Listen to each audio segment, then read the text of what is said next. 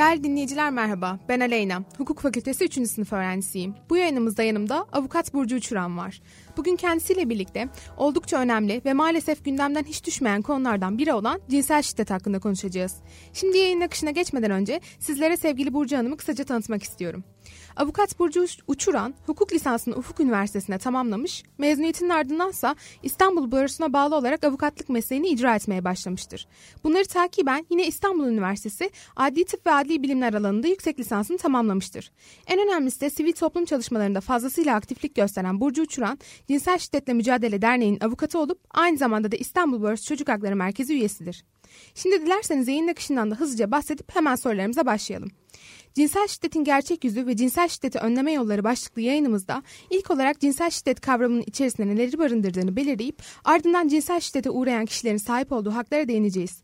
Sonrasında ise cinsel şiddet alanında farkındalık, cinsel şiddet alanında yaygın inanış, e, için başvurulması gereken önlemleri de ele aldıktan sonra Türk Ceza Kanunu ile cinsel şiddet arasındaki ilişkiden ve hem tecavüz kriz merkezlerinin hem de danışmanların Türkiye'deki durumunu da temas edip yayınımızı sonlandıracağız. Anlayacağınız bugünkü yayınımızın içeriği epey yoğun olacak. Burcu Hanım hoş geldiniz. Merhabalar, hoş buldum. Ricamızı kırmayıp konuğumuz olduğunuz için çok memnun olduk. Tekrardan çok teşekkür ederiz.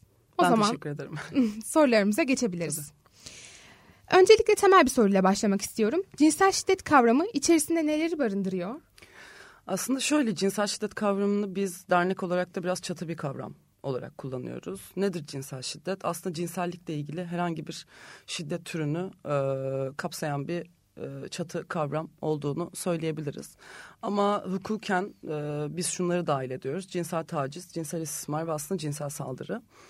Genel olarak böyle anlatabilirim. Tabii ki e, hani teknolojinin gelişmesiyle birlikte bu cinsel şiddetin aslında işlenme biçimleri de farklılaştı. Yani dijital araçlarla da bir cinsel taciz suçu meydana gelebiliyor mesela. Bunlar da e, dahil bu kavramın içine. Genel hatlarıyla e, hukuken bu üç suç üzerinde aslında yoğunlaşıyor.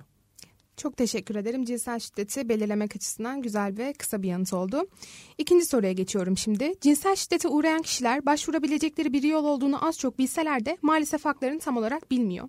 Cinsel şiddet sonucu hayatta kalan kişilerin hakları nelerdir? Aslında şöyle cinsel şiddete ilişkin bilgi birikimine dair net bir bilgimiz çok yok. Ee, çünkü bu alanda çalışan sivil toplum kuruluşları hariç devlet organlarının cinsel şiddete ilişkin bir farkındalık geliştirmediğini düşünüyoruz. Aslında bunlardan e, biri de şu okullarda yani ortaokul ve lise çağındaki e, gençlere ilişkin bir kapsamlı cinsellik eğitimi yok. Ve bu kapsamlı cinsellik eğitiminin olmaması aslında cinsel şiddete ilişkin yani neyin cinsel şiddet olup olmadığına ilişkin kişilerde de bir e, muğlaklık aslında oluşturuyor. Ve bunu takiben de e, benim hani böyle bir suçun tarafı olduğumda ne gibi bir hakkım var? Ben nerelere başvurabilirim? Ya da her zaman adli sürece başvurmalı mıyım? Öncesinde gerçekten kendimi korumaya almak için neler yapabilirimi çok da e, düşünemiyor e, kişiler. Bu sebeple de aslında biz hep şeyi görüyoruz. Yani sosyal medyaya yansımış ve cinsel şiddetle ilgili özellikle cinsel saldırıyla ilgili dosyaları görüyoruz. E, bu dosyalarda da aslında yargılamalar çok da e, hayatta kalanı koruyan ve hak odaklı ilerlemiyor. Bu sebeple de biz belki de şeyden de çok endişe ediyoruz. Yani ben bir derneği arayayım ya da bir vakfı arayayım. Kendi haklarım konusunda bir bilgi edineyim kısmından çok endişe ediyoruz. E, o sebeple aslında e, bu alanda çalışan e, bizim derneğimiz harici farklı hak odaklı dernekler var. Buralar bağlamında belki bir e, bilgi edinme e, söz konusu olabilir ama onun dışında gerçekten cinsel şiddete ilişkin içeriklerin çok da yeterli olduğunu ben düşünmüyorum. Teşekkür ederim. E, toplumun bazı kesimi tam olarak cinsel şiddet kavramının içerisine ne girdiğini ya da cinsel şiddete uğradığında sahip olduğu hakları bile bir önceki soruda da ele aldığımız gibi tam olarak bilmiyor. Bu alanda e, farkındalık yaratmak çok önemli. Bu alanda farkındalık yaratılması için hangi yollara başvuruluyor? Bu yollar gerçekten etkili mi? Sizin farkındalık noktasında bizimle paylaşabileceğiniz bir öneri var mı? Tabii ki aslında şöyle olmuş oldu. Ben ikinci sorunun cevabını üçüncü soruda vermiş oldum. Şöyle bağlayayım. E, farkındalıkla ilgili dediğim gibi kapsamlı cinsellik eğitimini çok önemsiyoruz. Çünkü cinsel şiddette biz üç aşamalı bir mekanizma düşünüyoruz. Bu da nedir? Önleme, koruma ve müdahale. Önlemeden kastımız şu, önleme için aslında kişinin neyin cinsel şiddet olup olmadığını bilmesi lazım. Bunu bilebilmesi için de gerçekten bir kapsamlı cinsellik eğitimi almış olması lazım. Sonrasında e, koruma ve müdahale geliyor. Korumada da şu var, e, evet bir cinsel şiddet gerçekleşti. Peki biz bu hayatta kalanı nasıl koruyabiliriz? Yani hani haklarına e, ulaşması için ona nasıl destek olabiliriz? Ya da psikolojisinin iyi olup olmadığından nasıl emin olabiliriz aşaması geliyor. Ve müdahalede de aslında kişi adli sürece başvurmak isteyebilir. Ya da gerçekten bu cinsel şiddet vakasından bir iyileşme ve güçlenme e, arzusunda olabilir. Bunun için bir e, müdahale planı var. Bunlar dışında aslında cinsel şiddetten hayatta kalanların hakları nelerdir kısmı biraz hukuka baktığımızda çok sınırlı. Çünkü e, tecavüz kriz merkezleri yok ve bir noktada aslında e, cinsel saldırı suçu özelinde konuşursak eğer ben hani 3-4 yıldır bu alanda çalışıyorum ve hiç şöyle bir vakayla karşılaşmadım. Yani bir cinsel saldırı suçu oluştuktan sonra hemen hastaneye gidip deliller kaybolmadan e, o raporu alıp e, raporu aldıktan sonra işte tabii adli bir vaka olduğu için hastane polisi devreye girecek. Hastane polisiyle birlikte karakola gidecek, ifade verecek ve ifade verdikten sonra adli süreç başlayacak. E, bu gerçekçi bir e, süreç değil. E, kimseden de yani cinsel saldırıya maruz bırakılmış kimseden de böyle bir süreç yük, e, yürütmesi bekletilemez. Tecavüz kriz merkezinin önemi aslında burada. Aynı çocuk izlem merkezleri gibi delillerin tutulabildiği ve eğitim araştırma hastaneleri bünyesinde kurularak kişi hazır olduğunda adli sürece girebilmesini sağlayan bir mekanizma bu. Tek kapı sistemi. E, bu da neyi sağlıyor? E, bu da aslında cinsel şiddetten hayatta kalanların haklarına sağlıklı bir şekilde erişmelerini sağlıyor. Yani bu haklar nedir dediğimizde aslında çok bir liste e, sabit bir şekilde çıkartamıyorum. Klasik evet bir soruşturma ve kovuşturma süreci yürütülebilir. Bu adli sürece dair haklar. Ama onun dışında işte İstanbul ilinde mesela hani düşünürsek ben cinsel şiddete maruz bırakıldıktan sonra gidebileceğim bir merkez var mı bunun için? Özelleştirilmiş yok. Buna dair destek alabileceğim bir devlet kurumu var mı? Aslında yok devlet kurumlarına gitmenin kişilerde şöyle bir endişeye sebebiyet verdiğini görüyoruz. Ben belki de e, o an adli sürece girmeye hazır hissetmiyorum. Fakat bir destek alma ihtiyacındayım. Birine anlatma ihtiyacındayım ve sakin bir yerden bana haklarımın, bu süreçte beni nelerin beklediğini bana anlatılması ihtiyacındayım. Fakat devlet kurumlarına olay intikal ettiğinde bu artık bir adli vaka oluyor. Yani aslında devlet hastanesine gittiğinizde de e, sağlık çalışanlarının suçu ihbar etme yükümlülüğü olduğu için bir anda siz kendinizi bir iyileşme ve güçlenme e, ya da bir e, destek arayışında e, arayışındayken adli vaka içerisinde buluyor, buluyorsunuz.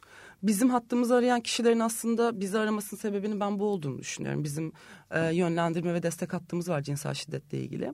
Tamamen biraz dinlen, dinlenmek, biraz sabit ve e, sakin bir yerden bir destek ihtiyacı ve gerçekten bu süreçte kendisini nelerin beklediğini gerçekçi bir yerden duymak. Yani hakları nedir? E, aslında çok bir listeleyemiyorum dediğim gibi. Yine de e, ideal düzende, ideal bir e, devlet düzeninde cinsel şiddetin hayatta kalanların hakları şu olmalı bence. E, bir tecavüz kriz merkezi olmalı ve ben oradan ee, benim bildiğim kadarıyla e, İstanbul Büyükşehir Belediyesi yakın bir vakitte cinsel şiddete ilişkin bir danışmanlık merkezi açacak. Ancak tecavüz kriz merkezleri Sağlık Bakanlığı bünyesinde ve Adalet Bakanlığı'yla işbirliği içinde açılması gerektiği için e, tecavüz kriz merkezi açamayacaklarını söylediler. Yine de buna dair bir özelleştirilmiş bir hat ya da sistem yok. Yani bizi arıyorlar. Evet biz diyoruz ki cinsel saldırı suçu oluşmuş. Şunları şunları yapabilirsiniz. Cinsel taciz suçu oluşmuş. Şunları şunları yapabilirsiniz ama orada e, benim hani bu alandaki deneyimimden gördüğüm kadarıyla hayatta kalanlar haklarından ziyade hukuk sisteminin kendilerine ne kadar inanıp inanmayacağını e, büyük bir endişeyle aslında bize yansıtıyorlar. Yani failin ceza alıp almayacağı konusunda büyük endişeleri var. Bir de ellerindeki delillerin yetersiz olduğunu düşünüyorlar. Çünkü e, bizim ceza kanunumuz özellikle cinsel şiddet konusunda çok eril ve erkek bir yerde olduğu için e, sürekli bir somut delil beklentimiz var. Yani hani bedenimde izler olmalı, işte bir DNA kalıntısı olmalı. Benim 72 saat içerisinde yani olay özellikle cinsel saldırıda olay gerçekleştikten sonra 72 saat içerisinde bu deliller e, tespite mümkün bir şekildeyken hemen gidip bunları muhafaza altına aldırmam bekleniyor. E, bunların çok mümkün olduğunu düşünmüyorum. İnsani de gelmiyor. E, ve hukuk sisteminin açıkçası hakikaten öznelerin deneyimini bu açıdan yok saydığını düşünüyorum. Teşekkürler. Aslında son sorulara doğru tecavüz kriz merkezlerine gelecektik ama şimdi bu konu hakkındaki sorumu biraz öne çekeceğim. Tecavüz kriz merkezlerinin ve danışmanlığın yokluğundan bahsettiniz ve İstanbul Belediyesi'nin bu konu hakkındaki yapılandırmasından da bahsettiniz. Peki başka illerde bu şekilde bir yapılandırma var mı ya da planlanıyor mu? Açıkçası şöyle başka illerde de yok. Ee, tecavüz kriz merkezleri aslında İstanbul Sözleşmesi ile vaat edilen bir e, danışma merkeziydi. İstanbul Sözleşmesi imzalandıktan sonra yıllardır ulusal eylem planlarında bir sürekli tecavüz kriz merkezlerinin açılacağına dair şeyler görüyoruz, vaatler görüyoruz. E, ancak henüz e, tecavüz kriz merkezleri açılmış durumda değil. 2016 ile 2021 yılları arasındaydı sanırım. Ee, bu Aile Bakanlığı'nın bir ulusal eylem planı var ve hakikaten bu ulusal eylem planları biraz Avrupa Birliği uyum süreci bağlamında hazırlandığı için üstünde iyi çalışılmış nitelikli eylem planları eğer uygulanırsa. Çünkü e, cinsel şiddet özelinde ya da hakikaten böyle hak gaspına sebebiyet veren diğer suçlarda görünen şu mevzuat var uygulama yok diyoruz kesinlikle. E, tecavüz kriz merkezleri açılmadı evet ama mesela şey e, uygulanmaya çalışılıyordu adli görüşme odaları en azından ifade usulünde. Fakat bunlar da aslında uygulanmıyor. Savcılar, hakimler bu yola çok gitmek istemiyorlar. Hatta ben e, birkaç dosyamda e, şöyle bir ifade duydum. Yani işte avukat hanımın sayenizde bu odayı da görmüş olduk gibi bir ifade duydum. E, bana çok içler acısı geliyor açıkçası bu ifade. Hani hakimin ve savcının aslında buraya yönlendirmesi lazım. Çünkü böyle bir yönetmelik var. Tecavüz kriz merkezlerinin yokluğu e, işte cinsel şiddet vakalarında büyük bir eksiklik. Yani niye peki tecavüz kriz merkezi? Belki biraz onu hani açmak lazım. Tek kapı sistemi pek çok e, ülkede uygulanan bir sistem. E, çocuk izlem merkezlerinde bu uygulanmaya çalışılıyor. Yine de tabii ki e, hukuk sistemindeki e, üyelerin bazı keyfi uygulamalarına biz denk gelebiliyoruz. Ama mantık şu, e, ben cinsel şiddete ilişkin bir suça maruz bırakıldım bir merkez olmalı. Ben o merkeze gitmeliyim ve bu merkezler de bu arada nüfus oranına göre açılmalı. Bir tane hani İstanbul için bir tane yetmez. Hani o açıklıkta belki konuşmak gerekiyor. Ben oraya gideyim. E, maruz bırakıldığım suça göre bir hizmet alayım. Belki psikolojik danışmanla görüşeyim. Belki gerçekten e, delillerin tutulması için ya delillerin saklanması için işte bir başhekimin yönettiği bir sistem olsun bu. Ben orada muayene de olayım, adli muayene de olayım. Ancak e, başka herhangi bir aşamada adli sürecin içerisine girmeyeyim. Belki işte tek sefer bir ifade alınması olabilir mahkeme aşamasında ama onun dışında ben zaten e, hani bir iyileşme ve güçlenme peşindeyim. Hakikaten adalet arayışına da girmek istiyorum bir hayatta kalan olarak belki. Ama e, önümde kocaman böyle yıllar sürecek bir yargılama süreci var. Ve bu süreç içerisinde benim bu olaydan iyileşmem ya da güçlenmem çok da mümkün olmuyor. Çünkü neden?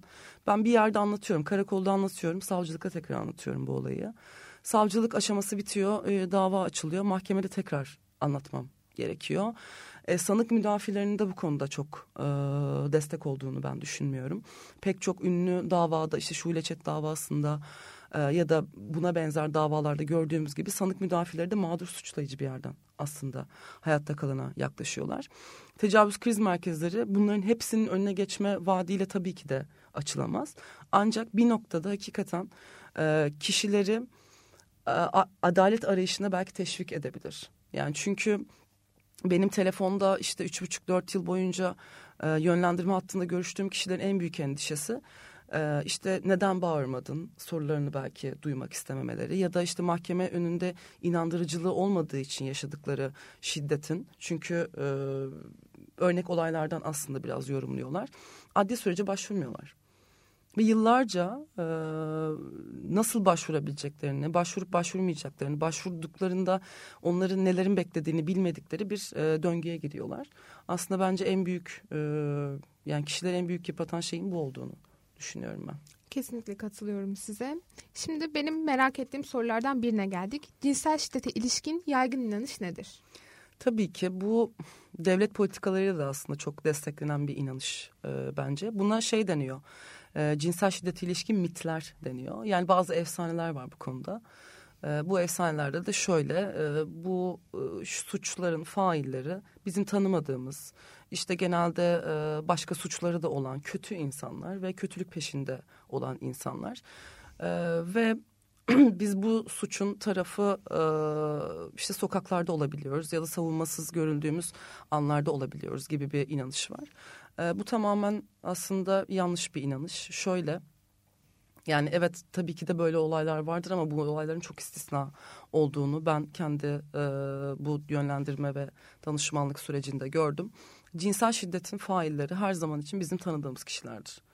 Çünkü neden? Çünkü zaten bu suçun bu suçlar tanıksız suçlar olduğu için kapalı kapılar ardında yani dört duvar arasında gerçekleşiyor ve biz bu insanlara hayatımızın bir aşamasında güvenmiş olabiliyoruz. Partnerimiz olabiliyor, aile üyemiz olabiliyor. Cinsel istismar suçlarında e, açıkçası ben çok alternatif ya da böyle istisnai çok olay görmedim. Genelde hep çocuğun tanıdığı, çocuğun güvendiği, ailenin güvendiği ya da aile üyelerinden birinin çocuğu e, bu e, şiddete maruz bıraktığı e, açık bir gerçek. Buna dair inanış aslında e, bu suçların kovuşturulması için de büyük bir engel teşkil ediyor. Yani gittiğimiz mesela bir jinekolog davası var. E, bizim da, derneğin de çok e, ısrarlı bir şekilde takip etti. Şimdi bir doktordan aslında sizi cinsel şiddete maruz bırakacağını düşünmezsiniz ama e, işte kadınların gittiği jinekolog kadınları sistematik bir biçimde cinsel saldırıya maruz bırakmış.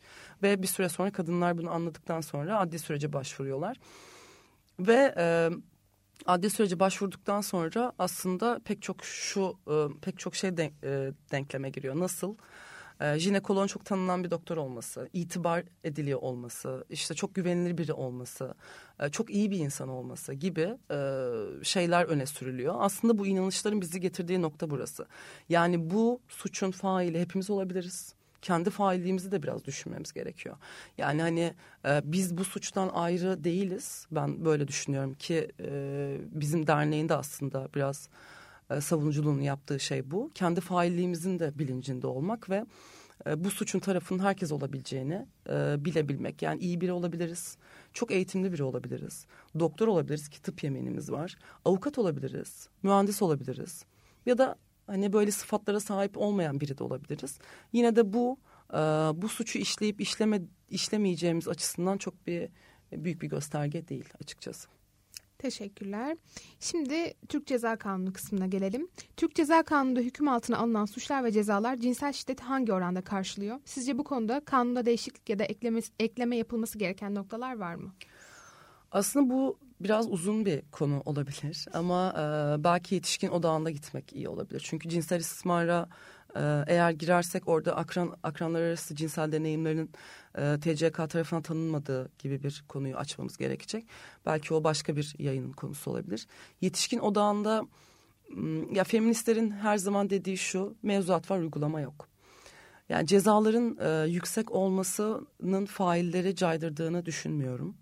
Failleri caydırmanın aslında e, yani hani e, kurallarla çok olabileceğini de düşünmüyorum. Bunun devlet politikalarıyla çok ilgisi olduğunu düşünüyorum. E, yönetimdeki insanların e, kadın düşmanı söylemlerinin çok büyük etkisi olduğunu düşünüyorum.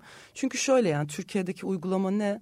E, sürekli yönetmelikler çıkıyor. E, işte yönergeler çıkıyor. E, kanun değiştirelim. Bir daha kanun hazırlayalım.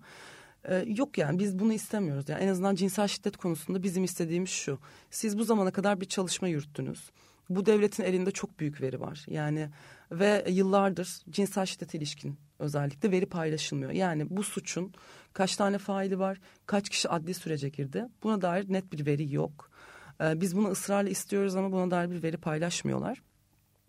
Aslında buradan doğru hani biz sürekli yeni yinelenen ve uygulanmayan bir e, kanun mevzuat peşinde değiliz. Biz mevcutun uygulanmasını yani TCK'daki o cinsel saldırı suçuna ilişkin maddenin uygulanmasını uygulamada karşımıza çıkan eksikliklerin görülmesini ve bunların üzerine gerçekten iyi bir çalışma yapılması. Yani hukuken hakikaten atıyorum işte 10 tane pilot dava belirlenir cinsel saldırı ile ilgili ve bu bağlamda mahkemenin yargılamadaki tutumu, e, savcının etkin bir soruşturma yürütüp yürütmediği, etkin bir soruşturmadan kastım da aslında e, yani hani biz genelde şunu görüyoruz somut bir delil olmadığı için e, çok bir inandırıcılığı yok bu suçun savcılar gözünde.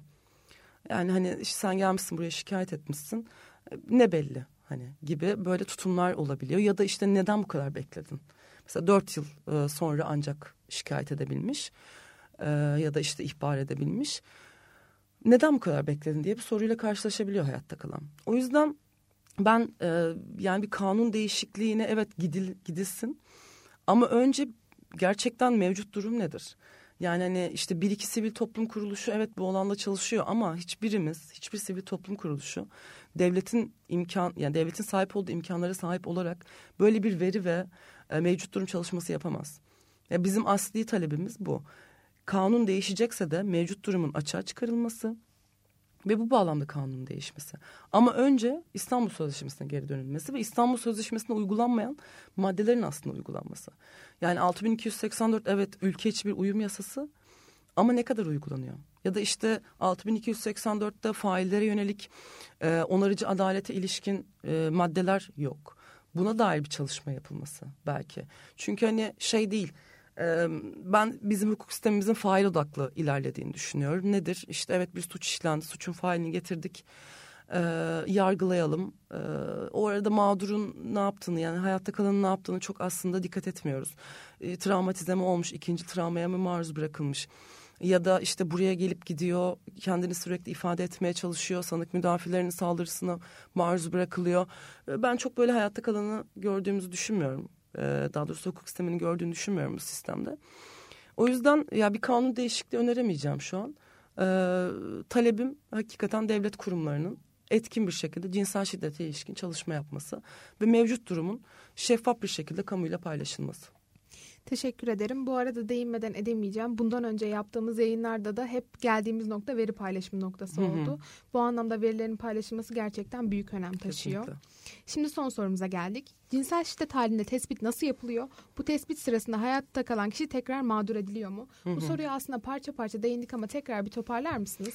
Tabii ki. Şimdi e, kurul olarak idealli e, yani hukuk sisteminin bizden beklediğini anlatacağım. Cinsel saldırı suçu bağlamında anlatacağım. E, cinsel tacizde taciz, tacize de girilebilir ama tespitten kastımız genelde delil durumuyla ilgili olduğu için ben cinsel saldırı suçunu biraz anlatmak istedim. Şu olay gerçekleştikten itibaren e, bu adli tıpta çok vardır aslında 72 saat içerisinde deliller e, nasıl diyeyim tespit edilebilirliklerini kaybetmeye başlıyorlar. Yani 72 saati geçtikten sonra artık işte üçüncü, dördüncü, beşinci, altıncı günde bu deliller üzerinden herhangi bir DNA ve e, farklı işte vücut e, sıvısı ya da işte atıyorum yani faili belirlemeye yarayacak o DNA kalıntıları kalmamaya başlıyor e, kural olarak. Ve e, 72 saat içerisinde bir devlet hastanesine gidilmesi gerekiyor. Devlet hastanesine gidildiğinde e, doktor tabii ki de bunun bir cinsel saldırı olduğunu anlarsa sağlık çalışanlarının suçu bildirme yükümlülüğü olduğu için bunu adli vaka, adli mercilere bildirebilir. Yani hastane polisini arıyor ve artık bu adli bir vaka oluyor. Ancak doktorlara ilişkin, sağlık çalışanlarına ilişkin daha doğrusu doktorlara ilişkin Helsinki kuralları diye bir kurallar silsilesi var. Ee, bu kurallar belki adını yanlış hatırlıyor olabilirim ama bu kurallarda şu yazıyor. Eğer kişi bu suçu bildirmenizi istemiyorsa bunu riskini alıp bildirmeyebilirsiniz. Biz gittik hastaneye. E, ee, 72 saatin içerisindeyiz. Bu arada işte doğum kontrol hapı e, eğer e, bir kadın olarak bir maruz bırakıldıysak. Bu arada hani cinsel şiddetin e, hayatta kalanı da herkes olabilir. Hani onu da belki bildirmek gerekiyor. Sadece kadınlara yönelik bir suç değil bu. E, 72 saat içerisinde e, PrEP ya da artı ilaçlarının aslında bize sağlanması lazım. Şu an için PrEP ya da artı nedir? Cinsel yolla bulaşan hastalıklar önlenmesi için kullanılıyor. Devlet bunu reçete etmiyor. Eczaneden kendisinin alması gerekiyor kişinin. Doğum kontrol yapıyor da ertesi gün hapı verilebiliyor. Ve aslında siz bir e, anda kendinizi adli bir vaka içerisinde bulmuş oluyorsunuz. Bu arada adli tıp üzerinden de bir randevu alıp e, tespit etme imkanınız var. Ama dediğim gibi bunların hepsinin çok kısa sürede gerçekleşmiş olması lazım. Peki yıllar geçti. Ben 4-5 yıl sonra yani zaman aşımı süresi içerisinde bu suçu ihbar etmeye karar verdim. Dayanabileceğim hangi deliller var? En çok bize sorulan soru bu. Yani olayın üstünden çok zaman geçti. Ee, benim somut bir delilim yok. Ee, ne yapabilirim? Biz burada şunları önermeye çalışıyoruz. Ee, bir uzman görüşü. Uzman görüşü de aslında neye ilişkin? Eski TCK'da şey vardı cinsel saldırı ile ilgili e, kişilerin travmatize yani ruh sağlıklarının kalıcı şekilde bozulmuş olmasına ilişkin bir ibare vardı. O kalktı. E, şu an için böyle bir cinsel şiddete maruz bırakıldınız ve sonrasında psikolojik bir destek arayışına girdiniz ve psikolojik desteğe gidiyorsunuz. Yani bir terapistiniz var. Bu terapistiniz e, terapistiniz sizin böyle bir süreç içerisinde olduğunuza ilişkin bir uzman görüşü raporu sunabilir dosyaya. Bu kuvvetli bir delil olur. İkincisi kişiyle varsa yazışmalar, WhatsApp yazışmaları e, ya da herhangi bir mailleşme olabilir. E, bunlar haricinde tanık çok az. Yani bu suçların tanığının olduğunu e, sanırım iki vakada gördüm. Onun dışında herhangi bir tanık yoktu. Bunlar haricinde aslında hayatta kalanla birlikte bir neleri biz bu süreçte delil olarak kullanabiliriz de e, tartışmaya çalışıyoruz. Yargıtay'ın bu konudaki dikkat ettiği şeylerden biri tutarlı beyanlar her aşamada. Yani işte savcı şey kolluk aşamasında tutarlı bir beyan, sonra savcılık aşamasında o kolluk beyanına benzer bir e, ifade ki ben bu aşamada belki şeyi e, önereceğim. Yani hani kollukta değil de direkt savcılığa gidip ihbarda bulunmak, yani suç duyurusunda bulunmak ve hayatta kalan ifadesinin adli görüşme odasında alınmasını sağlamak. Ya bu kişiyi bu sistemde en iyi böyle kururuz.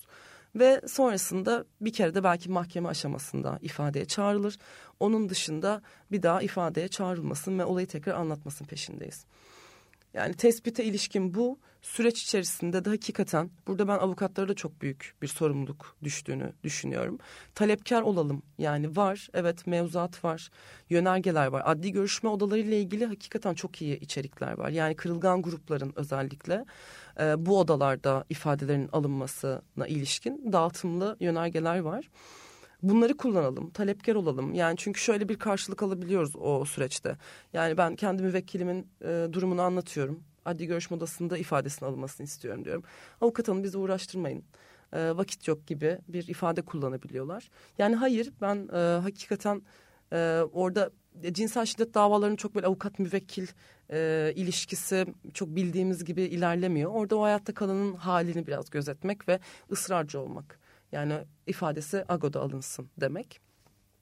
Bunları anlatabilirim sanırım ve e, hakikaten şey yani adli sürece girmeye girmeyi düşünen kişilere belki e, avukatları biraz daha destek olmalı. Yani süreçte onları nelerin beklediğini biraz gerçekçi bir yerden anlatmaları. Burada şey demek istemiyorum yani kişileri korkutalım, şey, yıldıralım değil. E, bu süreçte hakikaten iç içe bir ilişki geliştiriliyor e, müvekkille ve onu pek çok açıdan desteklememiz gerekebiliyor. Ee, ben bunu çok önemli buluyorum. Yani klasik bir avukat müvekkil ilişkisinin olmaması aslında buradan kaynaklı. Çünkü zaten e, bu suçun daha doğrusu o e, şiddete maruz bırakılmış olma halinin o görünme hali yani mahkeme ve adli sistemler tarafından görünme hali kişiyi ayrı bir şekilde yıpratabiliyor. O yüzden ben e, işbirlikleriyle yürütülmesi gerektiğini düşünüyorum bu sürecin. Teşekkürler. Az önce de belirttiğim gibi sorularımızın sonuna geldik. Sizin eklemek istediğiniz başka bir şey var mı Burcu Hanım?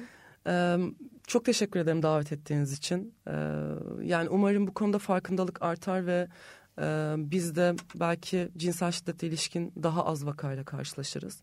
Ve devlet politikalarında tekrar bu konuda çok önemli olduğunu belki hatırlatmak gerekiyordur. Bizim de temennimiz aynı yönde. Benim için çok bilgilendirici bir yayın oldu. Sayenizde ele aldığımız konu hakkında faydalı ve güncel bilgiler edindim. Davetimize karşılık verdiğiniz için ben de tekrardan çok teşekkür ederim. Sağlık ve hukukla kalın.